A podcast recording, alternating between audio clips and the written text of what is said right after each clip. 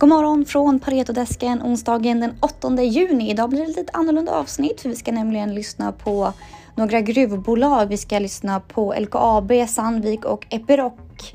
Och de här bolagen pratade jag med för några veckor sedan när vi hade vårt Metals and Minings seminar.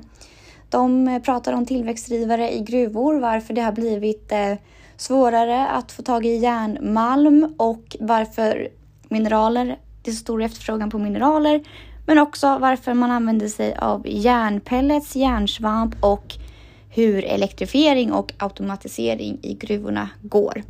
Så här kommer eh, LKAB, Sandvik och Epiroc och alla intervjuer finns i sin helhet att lyssna på på predosek.se.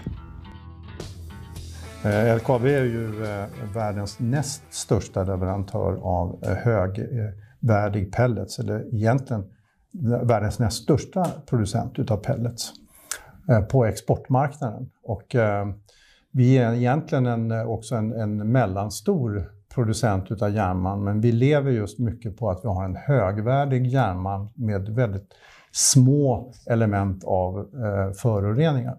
Och varför gör man pellets? Pellets är en vidareförädling av järnmalmen som vi började arbeta med redan på 60-talet därför att vi såg att vi kunde höja marginalen för oss. Men om man säger rent trendmässigt, vad är drivarna för tillväxt i gruvan?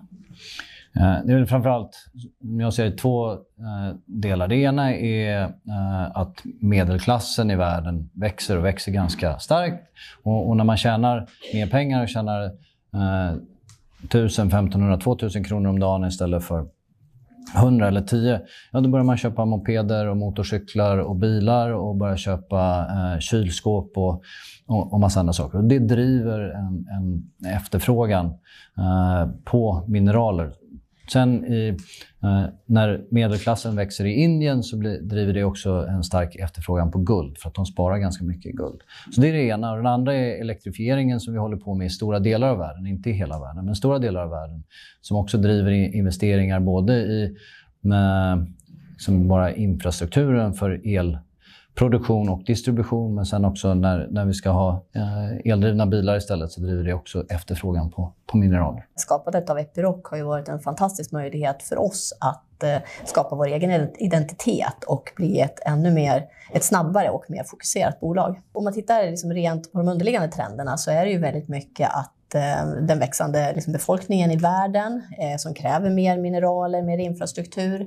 Eh, och sen ser vi också att halterna av malmen går ju ner generellt, så gruvindustrin blir ju mer och mer komplex. Och det vi är mycket fokuserade på nu, det är ju att växa de här teknologierna som nu formar gruv och infrastrukturindustrin eh, framöver. Så det är mycket digitalisering, mycket automation och mycket elektrifiering. Mm. Och det märker man ju när man lyssnar på alla bolag som har varit här idag. Hur, hur jobbar ni med, om vi börjar med elektrifiering exempelvis? Ja, så vi, så vi, vi började den här resan för, för många, många år sedan och egentligen tidigare än, än alltså själva teknologin var inte redo då.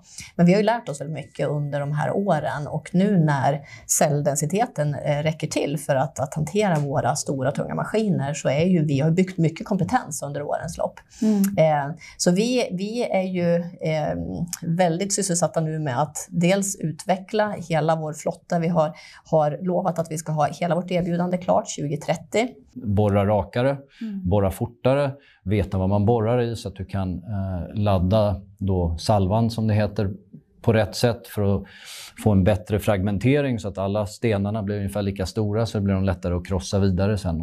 Så det finns jättemycket att jobba med, inte bara automatisering och digitalisering. Mm. Sen även då på temat digitalisering, att koppla upp all utrustning, samla information, analysera den och, och ha mycket mer eh, individualiserad eh, analys och underhåll för respektive utrustning. Mm.